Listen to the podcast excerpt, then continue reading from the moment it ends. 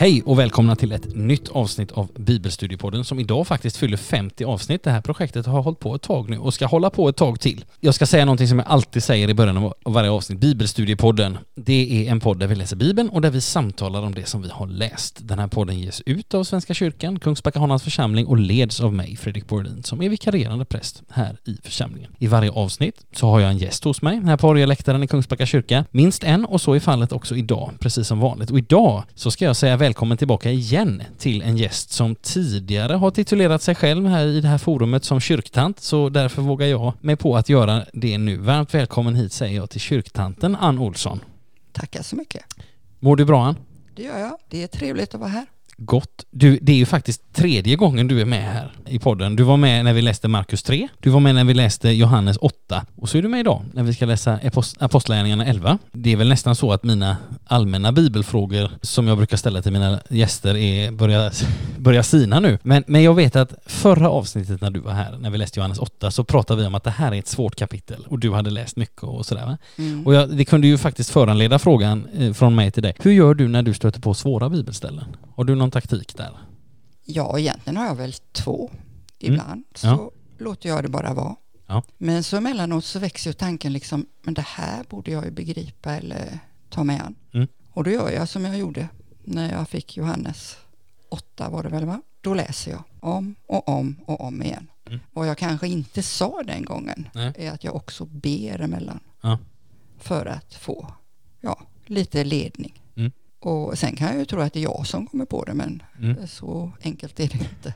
inte alltid. Nej. Inte alltid. Nej, men det är gott alltså att våga vara kvar, att våga gå vidare och att våga bjuda in Gud. Alltså det är tre, tre sådana jättebra grejer mm. alltså. Och ibland låta det vara. Mm. För man klarar man inte allt på egen hand. Man kan ju ställa sig fråga någon också och prata om det. Absolut. Och därför är de här poddarna väldigt bra. Ja, ja men det är roligt. Vi vill försöka också finnas med och, och försöker också att inte backa för de svåra ställena eller liksom utan försöker liksom slå ner på, inte allt såklart för det, då hade de här avsnitten varit hundra timmar långa, men försöka att, att också, vad är det som, vad är det som ska, eller liksom, vad, det finns, jag fick en bild en gång så här i, i Londons tunnelbana så står det Mind the Gap det vill säga det här utrymmet då mellan plattformen och tåget, så att säga. Mind the gap, det vill säga sätt inte, akt, akta liksom den här ytan. Och det tänker jag man kan tänka ibland när man läser Bibeln också, mind the gap, det vill säga gå inte förbi sånt som uppenbart väcker frågor, utan stanna hellre till vid dem. Och så behöver man inte tänka att vi måste ha alla svar, vi måste reda ut allt. Nej, men vi stannade till. Och det kanske kom någonting nytt till oss och så kan vi gå vidare liksom. Mm.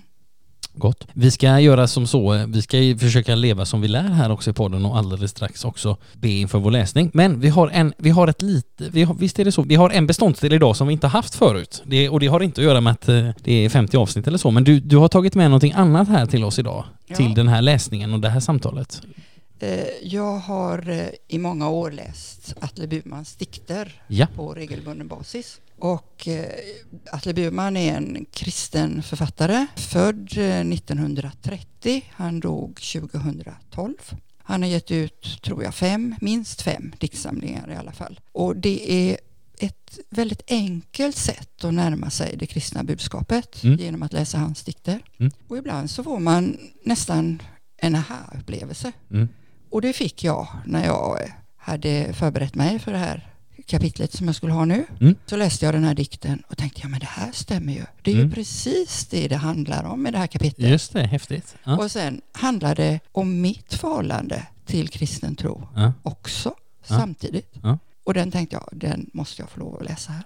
Och det får du. Och jag tänker vi ska säga så också att vi läser den nu i början och sen så läser vi den allra sist också så får vi liksom, knyter vi ihop säcken med på detta. Det blir mm. perfekt. Så vi gör så att vi, vi ska lyssna alldeles strax till att läsa den här dikten av Atle Burman. Men vi ska göra så först att vi, vi dessförinnan så gör vi så att vi bara stillar oss i bön inför att lyssna till den och sen också inför att gå in i texten. Låt oss be.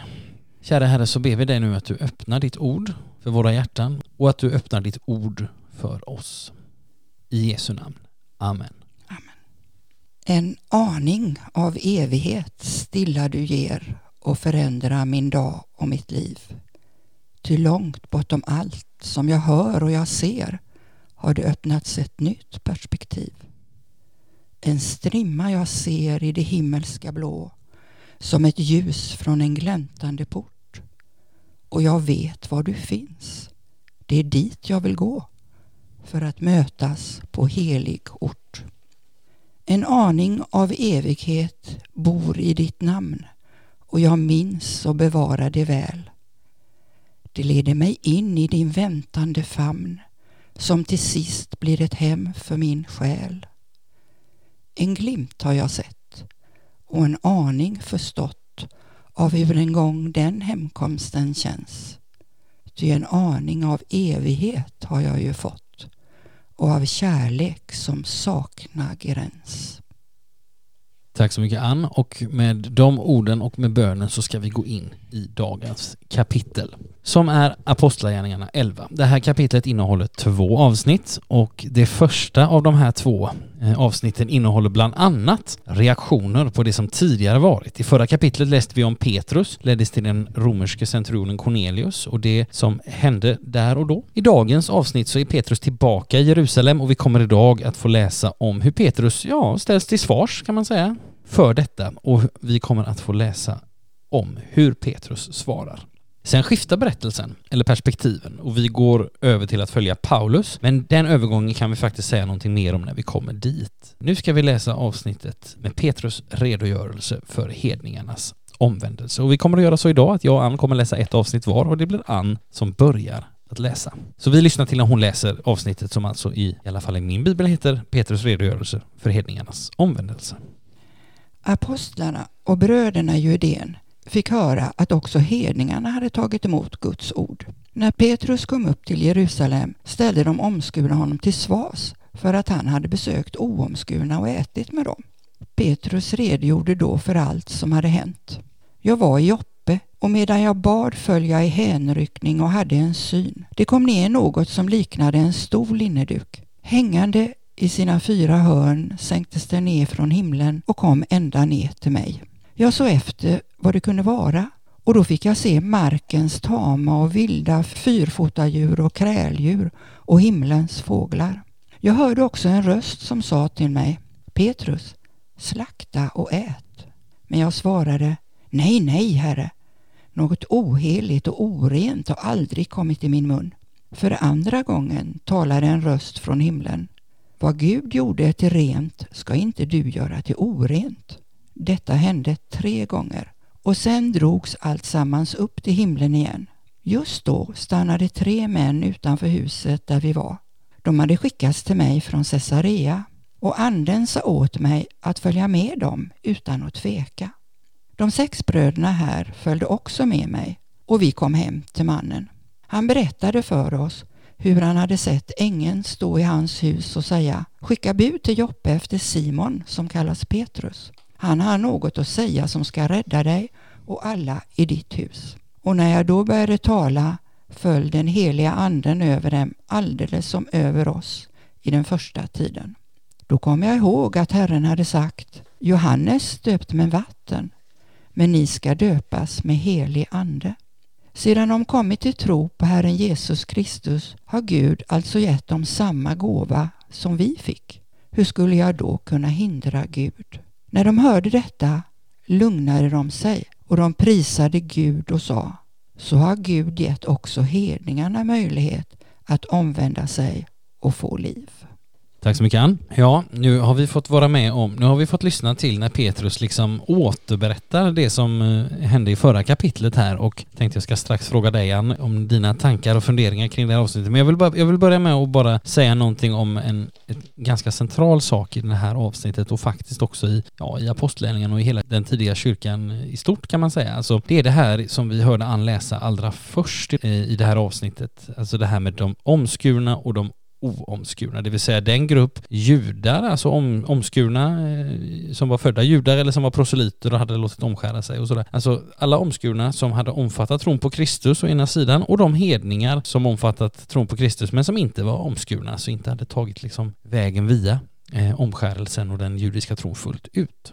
Och här, finns det, här fanns det då liksom olika uppfattningar. Och frågan som det här handlar om, alltså det vill säga frågan om var det nödvändigt för hedningar och gudfruktiga och sådär att omskära sig sedan man kommit till tro på Jesus, det blev en stor tvistefråga i den tidiga kyrkan. Vi kommer att eh, om några kapitel få läsa om det stora apostlamötet i Jerusalem i kapitel 15 och då kommer den här frågan att komma upp igen. Paulus skriver sitt brev till Galaterna också väldigt mycket apropå att folk dyker upp och börjar predika omskärelse och medan Paulus är av den direkt motsatta uppfattningen. Alltså han eh, talar i flera av sina brev om att omskärelsen inte gäller i det nya förbundet så att säga. Vi kan, vi kan ta några exempel. Paulus skriver så här i Romarbrevet 2 till exempel. Omskärelse är till nytta om du lever efter lagen. Men överträder du lagen är du trots omskärelsen på nytt en oomskuren. Han skriver i första Korintierbrevet 7 så här omskärelse eller förur, det är likgiltigt. Vad som betyder något är att man håller Guds bud. Var och en ska förbli vad han var när han blev kallad. Och i Galaterbrevet så är han ännu tydligare. Då skriver han bland annat så här i kapitel 5 bland annat. Ty vi väntar oss i vår ande att genom tron vinna den rättfärdighet som är vårt hopp. I ett liv med Kristus kommer det inte an på omskärelse eller förhud utan på tron som får sitt uttryck i kärlek. Och lite senare i samma kapitel skriver han Bröder, om jag fortfarande predikar omskärelse, varför är jag då ständigt förföljd? Då är ju det anstötliga i korset borta. De borde skära av sig alltihop, dessa som sprider oro bland er. Är ganska skarpa ord. Och så skriver han så här i Galaterbrevet 6, det kan vi faktiskt ta också. Så skriver han så här. Se här med vilka stora bokstäver jag skriver till er med egen hand. De som vill skaffa sig anseende genom något yttre söker tvinga er till omskärelse, bara för att de inte vill bli förföljda för Kristi kors. Dessa som håller på omskärelsen bryr sig inte själva så mycket om lagen, men de vill att ni ska omskäras så att de kan berömma sig av det som har skett med er kropp. Men jag vill aldrig någonsin berömma mig av annat än vår Herre Jesu Kristi kors genom vilket världen är korsfäst och död för mig, och jag för världen. Omskärelsen har ingen betydelse och inte förhuden heller. Det är fråga om en ny skapelse, frid och förbarmande åt dem som vill leva efter denna ordning åt Guds Israel. Och ett sista exempel i Fesebrevet 2 står det så här. Kom därför ihåg att ni som har födseln som var hedningar och kallades oomskurna av dem som kallas omskurna med den omskärelse som utförs på kroppen av människohand. Kom ihåg att ni på den tiden var utan Kristus, utan medborgarskapet i Israel, utan del i förbunden och deras löfte, utan hopp och utan Gud när ni levde i världen. Men nu, tack vare Jesus Kristus, har ni som en gång var långt borta kommit nära genom Kristi blod. Ty han är vår fred. Han har med sitt liv på jorden gjort de två lägren till ett och rivit ner skiljemuren, fiendskapen. Ja, Paulus skriver på många ställen om omskärelsen och det här är en viktig fråga för honom. Och vi kommer att stöta på i, som jag sa innan, i kapitel 15 kommer den här frågan eller diskussionen att blossa upp igen och då kommer vi också se ytterligare några dimensioner av den här frågan och vad det här handlar om och varför det är så viktigt för Paulus att man inte ska omskära så att säga. Men vi kan gott spara det till då så har vi någonting kvar i kapitel 15 att tala om. Men Ann, jag vill fråga dig, vad, vad fastnar du för i det här avsnittet? Jag fastnar för att den här historien eller vad man ska säga, synen med den här duken, den kommer tillbaka så snart. Ja. Och det måste ju vara otroligt viktigt, annars mm. hade det inte stått två gånger. Nej. Och sen så tycker jag ju att Petrus här, han, mm. han blir ställd hårt. Liksom. Mm. Varför gjorde du det här? Ja. Och han, får, han försvarar sig. Ja. Och det är klart, han var väl kanske inte riktigt beredd på att det här skulle hända. Nej, Men han har ju en väldigt bra förklaring. Mm. Han, eh, han är tydlig, han mm. viker inte en tum. Nej. Det här hände, det här mm. sa Gud mm. och så här måste det vara. Ja. Och jag står vid det. Ja. Och det tar jag med mig verkligen i det här kapitlet. Ja. Han hade upptäckt något. Ja. Något som var viktigt. Ja men precis, jag tänker att det här är en pågående process av vad ska vi säga växande fördjupning eller någonting för Petrus för att om vi vi kan dra oss till minnes förra avsnittet, då var Kristoffer här och vi, vi konstaterade då att gångordningen är att först så får Petrus en syn som handlar om djur, om, om rena och orena djur och vi tänker direkt på, vi tänker direkt på ren och oren mat och liksom de judiska renhetslagarna kring mat och sådär. Och sen så står det att Petrus funderar på detta. Medan han funderar på detta, då kommer det några personer och hämtar honom och för honom till Cornelius hus. Och sen när han kommer till Cornelius hus, då fattar han att den här synen som han har sett, där det pågår djur och han säger slakta och ät och så vidare, då applicerar Petrus det på människor. För då säger han ju, han, han säger jag kan inte betrakta någonting som oheligt eller orent. Alltså det Gud har sagt om djuren, det applicerar Petrus på människan. Så att säga. Mm. Eh, för han går in i Cornelius hus. Och nu, för nu är vi i kapitel 11, nu har liksom den insikten på något sätt växt sig så stark att han kan till och med ta sitt eget handlande i försvar. Liksom. Så att jag håller med dig, det, och det är, ett, det är ett tydligt försvar och, och, det visar liksom att den här insikten eller uppenbarelsen, den har liksom grundats ännu mer i honom. För nu kan han till och med försvara den, inte bara handla efter den och omtol- liksom applicera den på en, på en händelse, utan nu kan han också ta den i försvar. Så att det, ja, det är häftigt att se de här, se hur det utvecklas liksom. Mm. Något mer som du tänker på i den här texten? Jo, jag tänker på det att det kommer alltså tre män mm. och eh, de säger att han ska följa med till eh, Caesarea eller? Just det, Caesarea, ja. Yep. Han skulle till Cornelius mm. och han var ju inte jude. Han var ju, han var väl någon slags officer. Ja, en romersk officer, en hedning. Mm. Ja, men eh, vad jag läste så var han en gudfruktig person. Just det. Och då trodde han väl på Gud, han trodde inte på de romerska gudarna. Nej, nej precis. Nej. Han bekände sig till Israels Gud, får ja. vi tänka att det betyder. Absolut. Ja. Eh, men han följer med och han går bara dit och han nöjer sig inte med det utan han tar med styck, sex stycken ifrån församlingen också. Ja. För att, ja det vet jag inte varför han gjorde, men det gör han ju. Mm. Det kanske du vet. Men han tog dem med sig och så gick han dit. Mm. Och så fick han ju det här eh, han ställdes till svars då sen varför ja. han hade gjort som han hade gjort. Ja, men precis. klarade han ju av väldigt väl. Mm. Och sen så hände det ju saker där. Mm. Eh, folk började ju tala i tungor och anden föll över dem och de mm. kom till tro. Och då kom man tänka på att Jesus, Johannes hade ju sagt att jag döper med vatten men eh, det kommer en som ska döpa med helig ande. Herren hade väl sagt det. Johannes döpte med vatten men ni ska döpas med helig ande. Mm. Och eh, han, han reflekterar ju över det han har varit med om tidigare hela tiden. Ja, ja men precis. Det här är verkligen en återberättelse, det som vi får läsa idag här i kapitel 11 av mm. det som tidigare har hänt. Och sen de människorna som fanns där och som hade protesterat mot att han då pratade med omskurna och att han åt med dem. Mm. Eh, så säger de, så har Gud gett också hedningarna möjlighet att omvända sig och få liv. Mm. De har ju upptäckt något. Ja, amen. Det här är verkligt, det sprider sig, det är ingenting bara för oss. Ja, och jag, gillar, jag fastnar lite för det här uttrycket också, omvända sig och få liv. Alltså också, det är ett sätt att, vad ska vi säga, beskriva eller tala om vad det är att komma till tro. Alltså att vända om, att ta en ny riktning till där som det finns liv, eller till den som det finns liv. Alltså också det här, tänker jag, uttrycket att komma till tro som vi använder ibland. För att komma till något, till exempel en plats, så behöver vi ju ofta lämna något annat, en annan plats för att kunna resa till Stockholm. Om vi är i Göteborg så måste vi lämna Göteborg. Det går inte att vara i Stockholm och Göteborg samtidigt liksom. Och så är det också, tänker jag, i trons värld, i Guds rikes sammanhang. Att för att komma till tro behöver vi inte sällan lämna någonting, eller åtminstone kanske längta efter att lämna det, så att säga. Ja, no, no, någonting sådant. Mm. Något annat som du tänker på, eh, på där? Alltså Petrus, han, han, han går ju, alltså vi, jag vet att vi för några kapitel sen har vi pratat lite och det var ju inte minst i början när Petrus håller många tal, för det gör han ju både kapitel 1 och 2 och 3 och 4 och vi stannade till vid den här, det här uttrycket den nye Petrus, alltså vi minns honom från evangelierna och då är han eh, impulsiv och han håller inte vad han lovar och så vidare och så vidare. Så blir han upprättad och, så, så, och sen så går han, så, så är han verkligen förvandlad på något sätt och här ser vi hur han ännu mer går från, jag ska inte säga från klarhet till klarhet, men jo men på ett sätt alltså att han här, här fortsätter liksom, han, han framträder mer och mer som den ledare han är verkligen. Mm. Inte minst genom det som vi läser i dagens kapitel, hur han liksom låter det från förra kapitlet, att det får liksom verkligen mogna hos honom och han kan ta detta i försvar och så vidare. Så att, ja, det är häftigt. Mm, och jag tänker också att han inte provocerades utan han förklarade ja. hur han såg på det. Ja. Och det är en väldig skillnad. Det, det är en väldig skillnad. Ja. Det är en svår konst ibland. Ja, det är det. att inte bli provocerad. eh, sådär. Något annat som du tänker på i, i det här avsnittet? Nej, det har jag nog inte. Jag tänkte att jag skulle egentligen bara, jag, jag skulle kunna säga att bara några korta saker innan vi går vidare. Alltså dels det här eh, som vi läs, hörde an, läsa i, i vers 14, alla i ditt hus. Alltså det betyder, alltså ordet som ligger där bakom i grekiskan betyder ungefär hushållsgemenskap, alltså det vill säga familjen, inneboende släktingar, tjänstefolk, alla som bodde under samma tak. Så att det är ett ganska stort sammanhang som det handlar om där va. Det är det ena. Och sen så är det, tänker jag på det som, som Petrus säger i vers 15. Och när jag då började tala föll den heliga ande över dem alldeles som över oss i den första tiden. Alltså här verkar alltså anden genom ordet. Det är också intressant. Anden verkar på olika sätt. Uttrycket alldeles som i den första tiden, tänker jag, det kan antingen syfta på att anden visade sig eller manifesterade sig, framträdde liksom särskilt starkt, precis som den heliga ande gjorde i den första tiden, det vill säga på pingstdagen, som vi läser om i Apostlagärningarna 2. Eller så är det här uttrycket alldeles som över oss i den första tiden. Det är liksom ett sätt för Petrus att koppla ihop det som hänt hos Cornelius i hans hus med den här händelsen som de som han talar med själva har varit med om.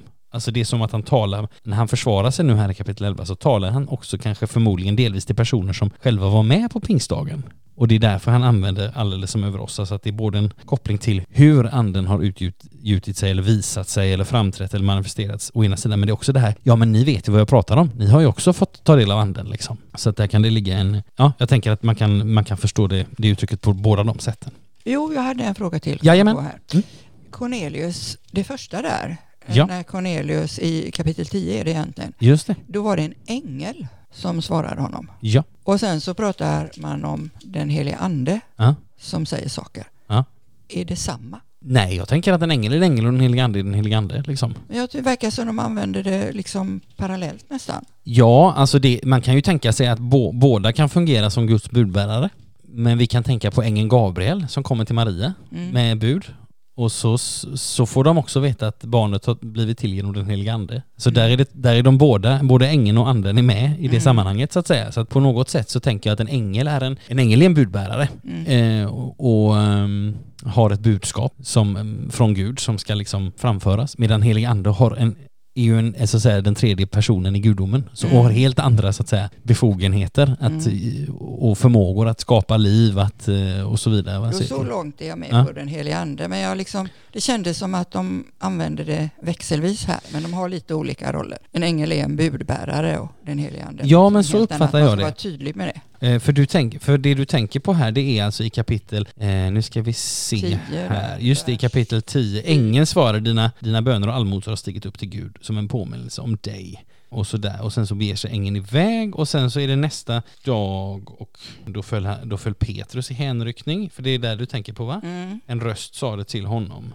Är det det du tänker på som anden där Nej, med rösten? Inte. Nej men jag tycker det är bra för att vi, det, här är, det här är mycket bra att vi tar upp detta. Och anden talar ju också i, i senare där. Man kan, man, en nyckel skulle kunna vara att när ängeln talar med Cornelius så svarar inte Cornelius. Utan han framför sitt budskap och sen så schappar han. Medan när anden talar till Petrus om den här synen i förra kapitlet så svarar ju Petrus och säger nej, nej herre, jag har inte aldrig någonsin ätit något oheligt eller orent. Och det är intressant att på samma sätt är det när Paulus omvänds, om vi backar ett kapitel till. För då är ju Saul, som han heter då fortfarande, och som han fortfarande heter, han är på vägen till Damaskus. Och sen inne i Damaskus finns lärjungen Ananias. Och där är det också Herren som talar, eller anden. Och där protesterar också Ananias, alltså att när det kommer en dialog från den, alltså ängeln, i alla fall i det här fallet verkar det vara så att äng, när ängeln pratar så framför han ett budskap och sen så försvinner ängeln. Medan när det är liksom, det står att det är Herren som talar eller anden och så, då blir det en dialog. Alltså det, det, mm. det skulle kunna vara ett sätt att se skillnaden, men, men, eh, men det är bara ett litet förslag från höften i detta nu så att säga.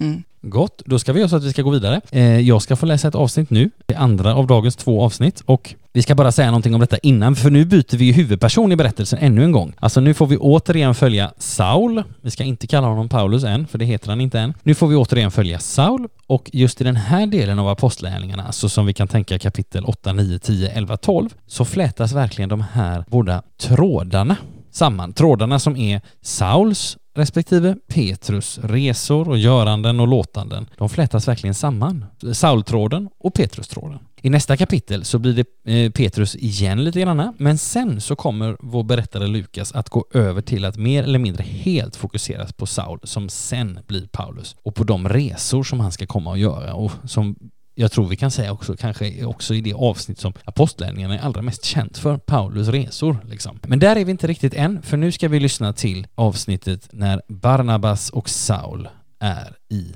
Antiochia. Det som hade skingrats under den förföljelse som började med Stefanos nådde ända till Fenikien, Cypern och Antiochia. Och de förkunnade ordet endast för judar.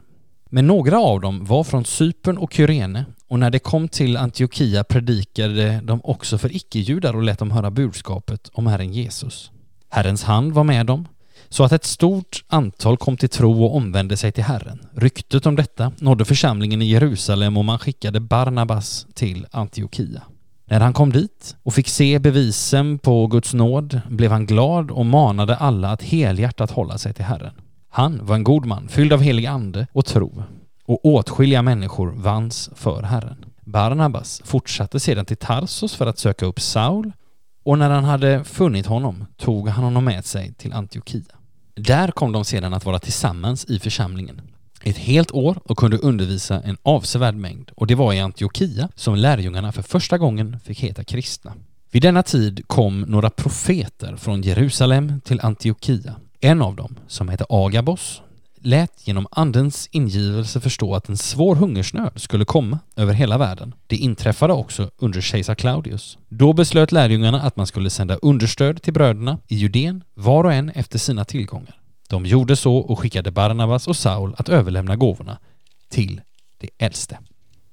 Ja, nu får vi nästan, kan man säga, har fått, nu har vi nästan fått höra lite av det här som vi har pratat om ibland, alltså lite församlingsinstruktion. Att här är det nu gemenskap mellan gemenskaper. Alltså i Antiochia har man fått reda på att det kan finnas problem och ja, det är, inte, det är fattigt i Jerusalem och man beslutar sig för att göra någonting och skicka dit. Alltså det här är också en sån här sak som visar oss hur liksom kyrkan på ett, jag ska inte säga organisatoriskt plan för det låter så hopplöst livlöst, men, men på ett liksom strukturplan eller liksom det här, här, också, här visas också en, en bit av kyrkan att här är olika gemenskaper som också är sammankopplade, inte bara genom tron och bekännelsen utan också genom en solidarisk koppling på något sätt. Så det är gott att läsa om. Man kunde bara säga någonting jättekort om, om, eh, bara för att ta upp tråden från några avsnitt här. Fenikien, vad är det för ställe? Ja, det är alltså ungefär dagens Libanon. Cypern, det är välkänt, det vet vi. Ön söder om Turkiet, väster om Libanon. Antiochia, romarrikets tredje största stad i sydvästra spetsen, hörnet av nuvarande Turkiet med stor judisk befolkning och den här staden blev en centralpunkt för den växande kristna kyrkan och det är inte minst en centralpunkt för Saul Paulus och hans missionsresor. Det kan vara värt att säga innan jag släpper in Ann, men jag vill också säga Barnabas står det fortsatte sedan till Tarsus för att söka upp Saul. Dit skickades han ju för ett tag sedan. Det läste vi om i 9.30. Och då är frågan, vad har Saul gjort under tiden? Ja, det vet vi faktiskt inte. Men, men det kan vara spännande att tänka på. Ann, vad tänker du på när du läser de här verserna? Jag tänker att i och med att de blev förföljda ja. så spred ju sig budskapet. Mm. Hade de inte Saul förföljt dem, ja. de kristna, så hade det här kanske inte hänt. Ja. Men nu kom de till andra ställen än där de var från början. Just det. Och sen eh, började de ju med predika för judar, för det var det de tyckte de skulle göra. Mm. Men så var det ju några som kom från andra ställen och Mm. tyckte, men vi vill ju prata med våra landsmän, kan Just. jag tänka. Jajamensan, det kan man tänka sig. Och då kom ju det här med att det blev även andra då, som var icke-judar, Ja. som också fick del av budskapet. Mm. Och egentligen så hade ju Jesus sagt det redan från början, Mm. att gå ut och sprid budskapet. Precis, gör alla folk till lärjungar. Ja. Och det, Matteus 28, absolut. Ja, och det var ju inte de närmaste lärjungarna som gjorde det, men det är klart, de hade väl fullt upp med det de hade. Men när det blev flera Ja. så kom de på att nej, men jag vet det här och jag vill berätta det för dem Ja. som jag känner, eller för dem som är mina landsmän. Ja men precis och jag tänker att eh, här får vi också en, en tillbakakoppling. För vi, vi hörde allra först här i, den här i det här avsnittet de som hade skingrats under den förföljelse som började med Stefanos. Ja, det vill säga i kapitel 7. Alltså att det är här, här ser vi en organisk liksom hur det växer fram. Det är återigen det här temat som vi varit inne på, ringa på vattnet hela tiden. Och vi kan också dra oss till minnes vad som hände efter Stefanos, för då står det så här, det är också då när Saul kommer in på scenen, det är kapitel 8, nu hoppar vi hej vilt här, men det, ni som lyssnar får försöka får försöka att stå ut med oss ändå. Alldeles i början av kapitel 8, det vill säga Stefanos har stenats och han har hållit sitt långa tal dess, precis dessförinnan, så står det så här, också Saul tyckte det var riktigt att han dödades. Där kommer Saul in på scenen. Den dagen började en svår förföljelse mot församlingen i Jerusalem och alla utom, det är dit jag ska komma nu, och alla utom apostlarna skingrades. Det vill säga, det var inte de första som fanns med i den här vågen utan de var kvar i Jerusalem. Vi kan ana oss till säkert vissa anledningar och sådär men, men, men vi kan inte förstå riktigt hela bilden kanske. Men det var liksom nästa generations lärjungar som redan var så att säga ute på fältet och det är också ganska det är också ganska häftigt. Vi kan, tänka, vi kan tycka när vi läser evangelierna att Jesus är ganska snabb med att sända ut dem första gången. Vi kan minnas Markus eh, evangeliet som vi, som vi har läst till exempel att eh, det dröjer inte många kapitel från att Jesus har kallat lärjungarna tills han faktiskt sänder ut dem och säger gå från by till by och gör det här och gör det här och så. Och det är lite samma princip här i, eh, med andens ledning i apostlärningarna att, att eh, även nya lärjungar sänds ut ganska fort vad det verkar. Och nu får vi höra att det sprids till Fenikien, Cypern, Antiochia och så vidare. Och precis som Ann lyfter fram här så liksom fick ju detta också den mycket positiva följden att liksom också fler än judarna inkluderades i vilka som fick höra detta. Gott. Något annat som du tänker på Ann i det här avsnittet? Ja, och då tyckte jag att när det här, nu hände så gick det ju ett rykte till församlingen i Jerusalem. Ja, Oj, vad händer här? Ja. Och då får de skicka en kontrollant dit. just det. En biskopsvisitation. Ja, det kanske. skulle man kunna kalla det ja. Mm. Eh, Barnabas Mm. kommer då dit och Barnabas var ju känd i eh, gemenskapen tidigare Ja. i Jerusalem. Ja. Fast han hade ett annat namn då, han hette väl Josef. Han sålde en åker och anslöt sig till dem i Apostlagärningarna 4 tror jag.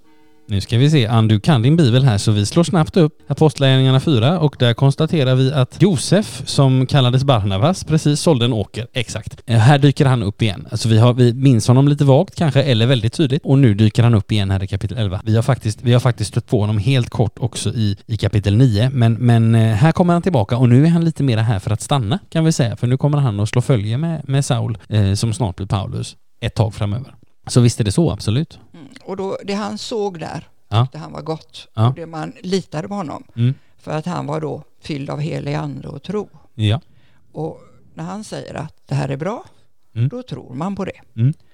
Och sen så var de väl så många så att han, Barnabas tyckte väl att han behövde hjälp och det var då han beger sig till Tarsos mm. för att få hjälp av Saul då. Ja, nej men precis och vi får, det är många resor hit och dit och det är också en sån här sak som vi har konstaterat som vi kan påminna oss om igen det här att apostlagärningarnas värld är så mycket större. Det handlar inte bara om att man går till grannbyn utan man reser kanske över ett hav eller man, eh, man, man åker till ett annat land liksom för att hämta upp någon och, och det är ofta långa tider som förflyter utan att vi kanske vet så mycket om den mellantiden eller så läser vi något brev och får reda på att aha okej okay, då händer det kanske eller sådär men, men världen är större och, och tidsperspektivet är mycket längre. Det ska vi ha med oss också. Och jag kan tänka också att det här att Barnabas då hämtar upp Saul mm. som hade fått eh, en gedigen undervisning i och med att Jesus visade för, sig för honom då när han för, mm. förföljde honom. Mm. Att man vill ha lite mera närmare källan mm. som undervisar i den här församlingen. Mm. Så det inte flyter ut och blir lite vad som helst. Nej, jag tänker att man kanske hade en tanke redan då. Ja.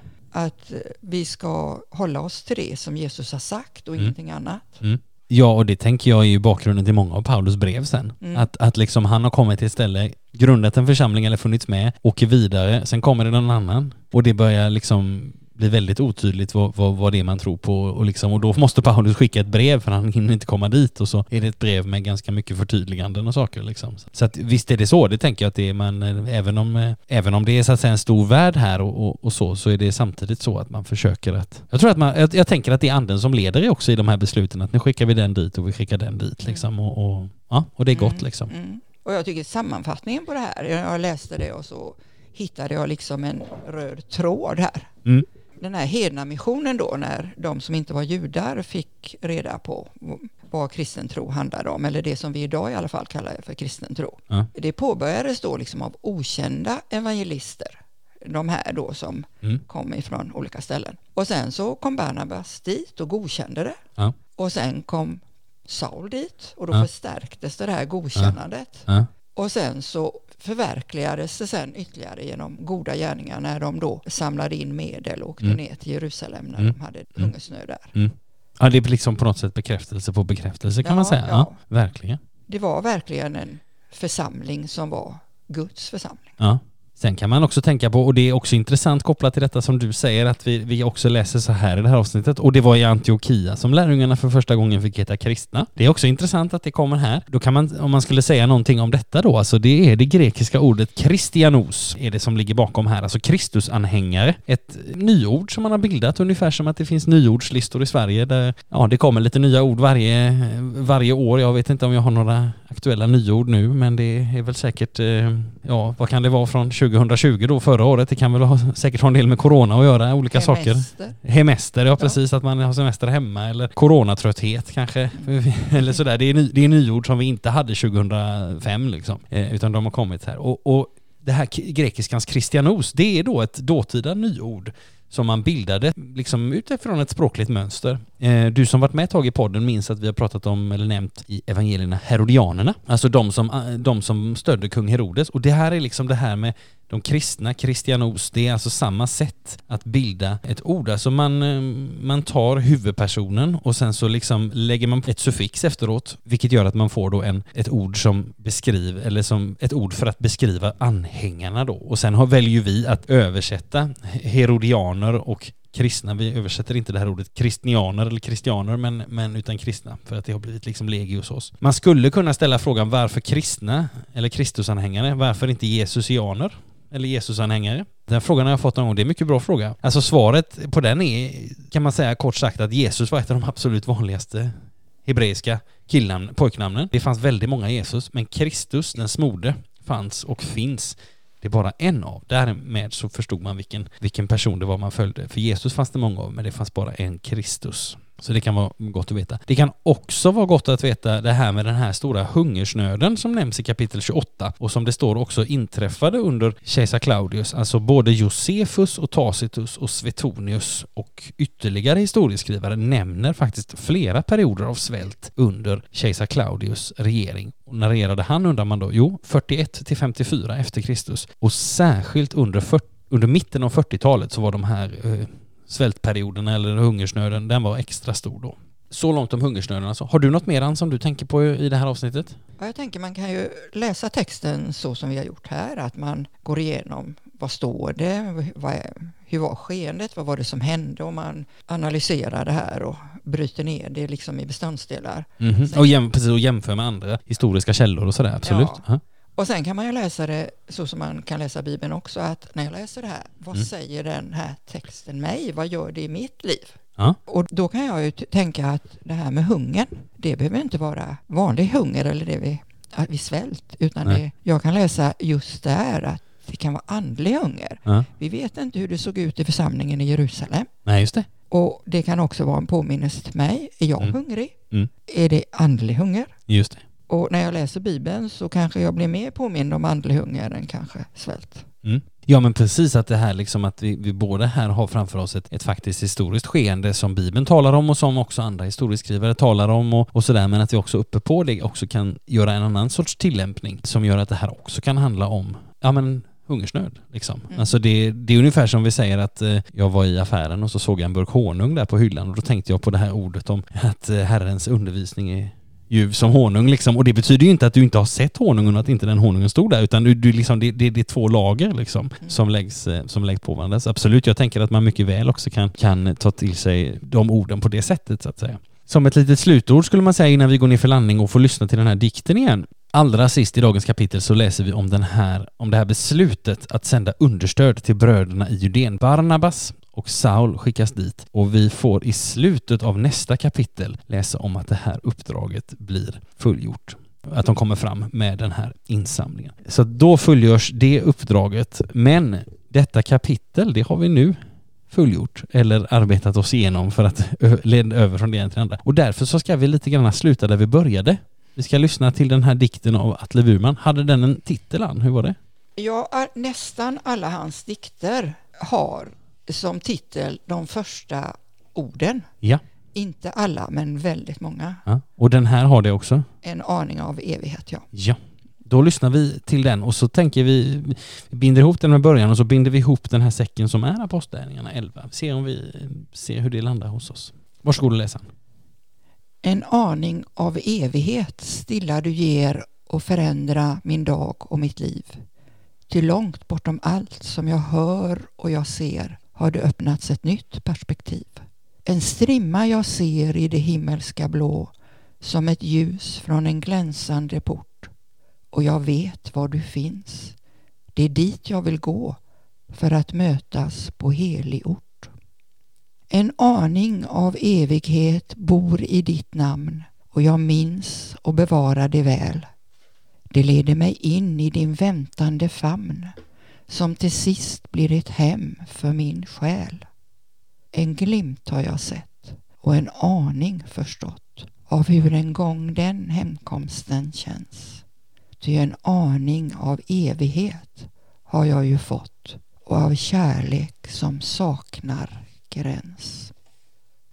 Tack så mycket Ann både för din läsning nu, din läsning förut, din läsning av bibeltext och dina många goda tankar och frågor. Väldigt roligt att ha dig här igen i, i detta stillsamma 50 avsnittsfirande av Bibelstudiepodden. Men vi vågar lova att det kommer också ett eh, 51 avsnitt och lite mer än så. Vi hoppas att du som har lyssnat till detta har fått med dig någonting, följt med i vårt samtal, trots att vi ibland har kastat oss fram och tillbaka över kapitlerna i Apostlagärningarna. Vi hoppas att du har funnit någonting eh, att ta med dig, du som har lyssnat. Tills vi hörs nästa gång, vilket jag hoppas att vi gör, så önskar både jag och Ann, dig som har lyssnat, allt gott och Guds rika välsignelse. Hej då! Hej då!